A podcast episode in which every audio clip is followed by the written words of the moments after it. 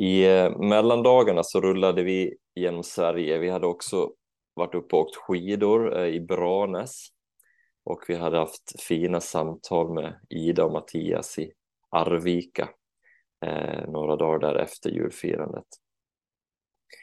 Och barnen hade somnat i baksätet på bilen och vi fick äntligen lite inflytande över, över vad som spelades i bilen. Så att eh, då satte vi på ett vinterprat, jag och Rebecka, eh, med Thomas Sjödin. Och många av er har säkert kanske redan hört det, men det tog tag i mig verkligen och eh, speciellt de här orden eh, eh att minnena är roder och drömmarna är segel. Eh, och han menade att för att veta att vi, var vi är på väg så måste vi ibland ta några steg tillbaka för att hitta riktningen. Equmeniakyrkan har under året framför, eh, eller under året som ligger framför föreslagit ett alternativt kyrkoår där eh, temana är de samma som det vanliga kyrkoåret men att texterna hämtas eh, liksom hela varje söndag i stort sett förutom högtidssöndagarna och de här mer temasöndagarna eh, hämtas ifrån Efesierbrevet och från Johannes evangeliet. Eh, och vi har Stina och, och, och, jag och vi i verksamhetsrådet har pratat lite grann om att vi kanske skulle kunna använda oss av de här texterna för, för, för att gå lite djupare i det. Och dagens eh, text eh, eh som jag tänkte läsa är just från Efesierbrevet, första kapitlet och den sjuttonde versen. Så vi läser. I honom och genom hans blod har vi friköpts och fått förlåtelse för våra överträdelser så rik är den nåd med vilken Gud har låtit all vishet och klokhet flöda över oss. Och han har yppat sin viljas hemlighet för oss, det beslut om Kristus som han fattat från början och som skulle genomföras när tiden var inne. Att sammanfatta allting i Kristus, allt i himlen och på jorden. I honom har vi fått vår arvslott förutbestämda därtill av honom som låter allt ske efter sin vilja och sitt beslut. Vi ska vara Gud till pris och ära. Vi som redan på förhand har satt vårt hopp till Kristus. I honom har också ni, sedan ni hört det sanna ordet, evangeliet om er frälsning, i honom har också ni, sedan ni kommit till tro, fått den outlovade heliga anden som ett sigill den är en borgen för vårt arv. Ett, att Guds folk ska bli friköpt och att Gud får pris och ära. Amen. Jag tänker att vi kommer få anledning att, att liksom fördjupa oss i Efesierbrevet och Efesierbrevets eh, eh mer eh, syfte och eh, ja, bakgrund till det.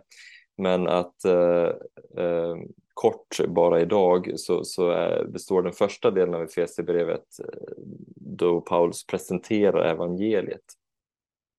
Alltså vad, vad är det som, eh, som eh, Jesus har kommit med egentligen? Vad innebär evangeliet? Och i första kapitlet så börjar han beskriva just Guds plan för att rädda världen. Han beskriver det som att Gud har, fått, att Gud har låtit oss veta sin hemlighet den här hemligheten som har funnits eh, nedlagd i skapelsen redan från början. Eh, och det är liksom som att när vi kommer till tro så får vi del av Guds minnen genom anden. Vi får ärva jorden, vi får ärva den här eh, historien som, som Gud har lagt grunden till från Eh, begynnelsen, från urminnes tider, från liksom början och också innan början. Ofta när jag sitter med ungdomarna på jobbet så börjar, brukar vi ja, först såklart lära känna varandra lite grann och, och fördjupa, men sen för att börja förstå lite grann vad det är som har gjort att de har hamnat där de har gjort så brukar jag göra en tidslinje över deras liv och vi går igenom liksom tidiga minnen och hur det har också på något vis eh, påverkat relationer och hur det påverkar hur de reagerar på känslor och hur det påverkar hur de relaterar till kompisar idag. Och det kan vara alltifrån ganska mörka berättelser där, eh, där man har varit mm, kanske mycket utanför eller man har eh, inte fått uttrycka de här ledsenhetskänslorna som man skulle ha behövt göra när man var mindre och sådär. Och att det förklarar en del av hur man hanterar känslor idag. Eh, och vi kallar det för inlärningshistoria för att skapa en förståelse för att också kunna hitta nya sätt att relatera till andra personer och nya sätt att relatera till hur man, hur man känner. För relationer och händelser påverkar just det här, hur vi, hur vi agerar i olika situationer, hur vi hanterar eh, eh ja, allting egentligen. Så att de vi är är ju på något vis en summan av de erfarenheter och möten vi har gjort genom livet. Eh, och det är, faktiskt, det är väldigt fascinerande att se hur läkande det är att faktiskt få gå tillbaka och, och få en förståelse för detta. Och få ett sammanhang. Och först då är det lättare att också göra aktiva val framåt. Först då kan de också hitta ett, ett roder, en, en, liksom en riktning. För att sammanhanget och förståelsen skapar en viss ordning i det här kaoset som man ibland kan uppleva. Man brukar ju säga att vi lever vårt liv framlänges men förstår det baklänges. Och det ligger mycket i det. Att, att eh, ibland behöver vi vända blicken bakåt för att hämta in det här att okej, okay, det är därför det blir som det blir. Och då kan jag också lättare förstå framåt. Eller och också leva framåt ska jag säga.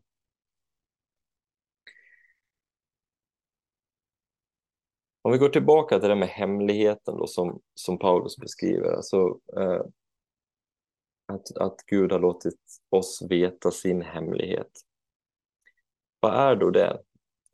Jo, evangeliet innebär ju egentligen att våra minnen som både kan vara fyllda av ganska skamfyllda upplevelser av det, vi, det Bibeln kallar för synder, alltså att vi har missat det som är, är eh, målet för, för våra relationer, att vi har missat det som är målet för relationen till Gud.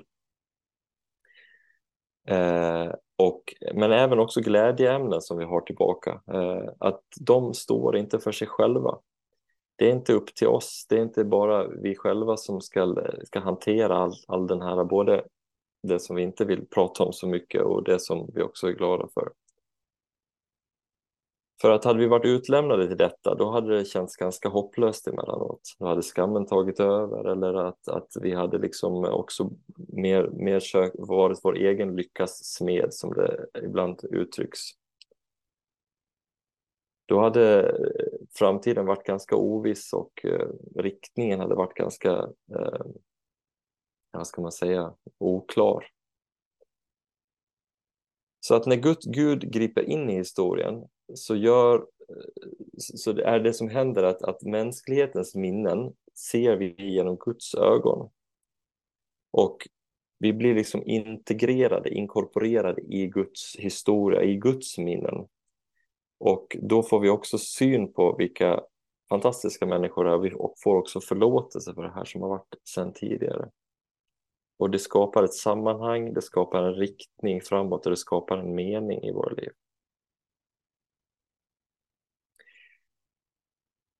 Och då kan man fundera på hur får vi tag i de här minnena då? Hur kan vi hitta det här rodret? Alltså ja, vi kan ju läsa oss till det på ett sätt, men vi, vi, jag tror att eh, Gud i den här texten som vi har sett, läst nu också, kan, man kan man hitta tre olika eh, delar egentligen som, där vi kan få tag i de här minnena som, som Gud har lagt ner i, vår, i våra liv och i, i, i skapelsen. Och det första är just det här, de här skapelseminnena. Saltarsalmen eh, beskrev ju det att, att himlen vittnar om Guds kärlek. Dag talar till dag och natt talar till natt. Alltså den här rytmen på något vis som, som, eh, som eh, hela, hela eh, skapelsen lever i beskriver dag efter dag och årstid efter årstid och år efter år hur Guds eh, eh skapelsekraft eh, är närvarande hos oss. Eh, Gud älskar den här jorden och Gud skapar på nytt och har skapat det så otroligt vackert. Och det är en del att, att få tag i Guds minnen, att, att få öppna ögonen och kliva ut utomhus och få syn på allt det här och också låta sig eh, drabbas av Guds skönhet. Och då blir vi också då får vi tag i de här minnena som har funnits sedan eh, skapelsens begynnelse.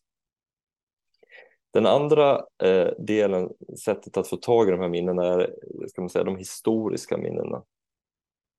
Eh, i, I texten så stod det så här att till honom har ni eh, sedan ni hört det sanna ordet, eh, evangeliet. Jag ska se hur det stod ordagrant här uppe. Eh,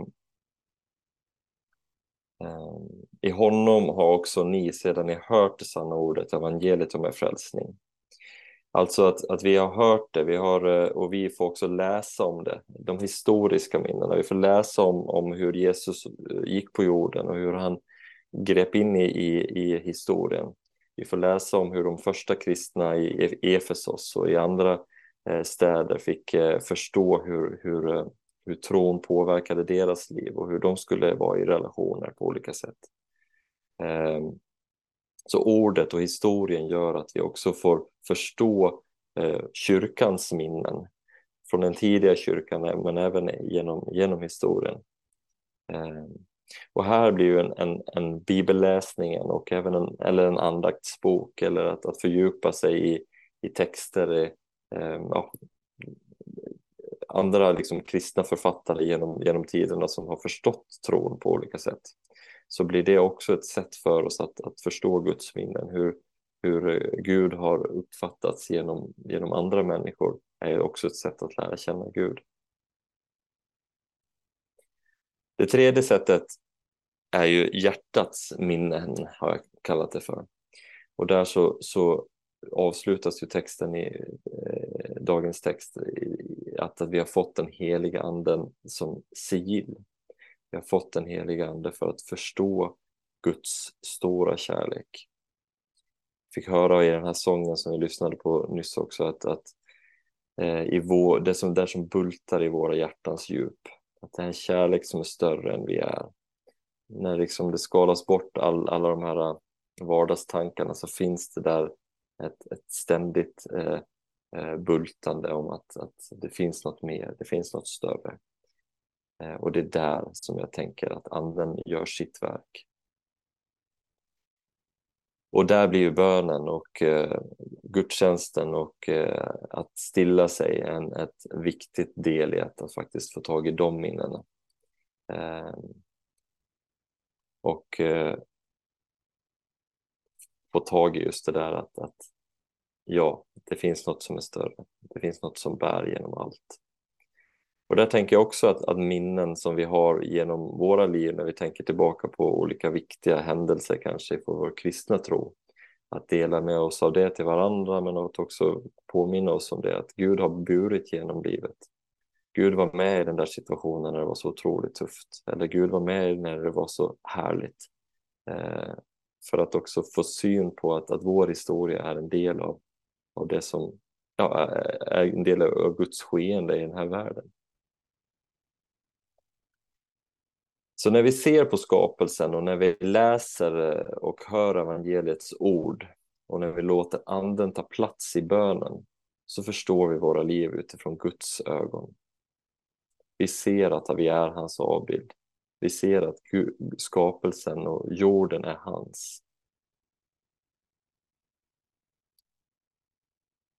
Om vi går tillbaka lite grann till det här med dagens tema, livets källa, så tänker jag att ibland så kanske vi har förminskat det här att det handlar, och det kanske inte bara handlar om det här att släcka vår törst när vi är törstiga och trötta. För en sån gudsbild tenderar att, att bli en tröstgud som vi använder oss bara av när, när livet känns tungt eller när, när, det, när vi inte vet vad vi ska vända oss annars, så när vi har kommit till vårt slut. Och det kanske inte är fel i sig, men det blir liksom en lite haltande bild. Det blir en liten, eh, ja, det blir en haltande bild helt enkelt. Utan livets källa kanske också handlar om det här, att förstå var vi kommer ifrån och eh, att låta Guds minnen integreras med våra. Att ta del av det här arvet som han har lämnat till oss, att förstå våra liv och vår värld utifrån hans eh, perspektiv och hans eh, eh, agerande. Det ger en större helhetsbild. Och Vi pratade om det här att Thomas Sjödin hade uttryckt det att minnena är roder och drömmarna är seger. Och jag tror att också det här att när vi får tag i våra minnen, när vi tittar tillbaka, så väcks också drömmarna. Ni såg när Elis eh, sken upp när han berättade om skidåkningen. Då väcktes drömmarna om att få vara tillbaka där i skidbacken. Och jag tror att det är så också att när vi får tag i de här eh, det kan jag känna när man sitter och, och liksom förbereder inför sån här dag eller när man möter, möter er eller lyssnar till någon sång som verkligen berör att då väcks, då öppnas perspektiven upp och då väcks drömmarna framåt. Och då väcks hoppet. Och då kan vi våga sträcka våra segel in i framtiden. Och den här framtiden är inte bara en framtid som slutar när vi är 80-90 år gamla förhoppningsvis, utan det är en framtid som är evig, som fortsätter förbi döden. Och det väcker ett hopp om fred och en hopp om fördjupade relationer och hopp om att Gud en dag kommer att upprätta allt. För minnena är roder, drömmarna är seger. Vi ber tillsammans. Tack Jesus för att vi får eh, förstå våra liv utifrån ditt agerande. Din agerande genom historien och från begynnelsen av skapelsen där in, därför innan till alla människor som du har berört och upprättat och eh, gett mening och, och helhet i livet. Här. Tack för att det gäller också oss och att vi får ta fart därifrån in i framtiden och också dela med oss av det här hoppet och de här minnena till andra. Att visa att när den frid som finns när ångesten släpper, den, den, eh, det där bultande hjärtat i våra kroppar som, som vittnar om en kärlek som är större än vad vi är. Som kan leda oss ut ur kaoset till hopp om en framtid och hopp om ett evigt liv. Här. Jag ber om att vi ska verkligen få tag i det idag och se på det där. Jag ber om det. Amen.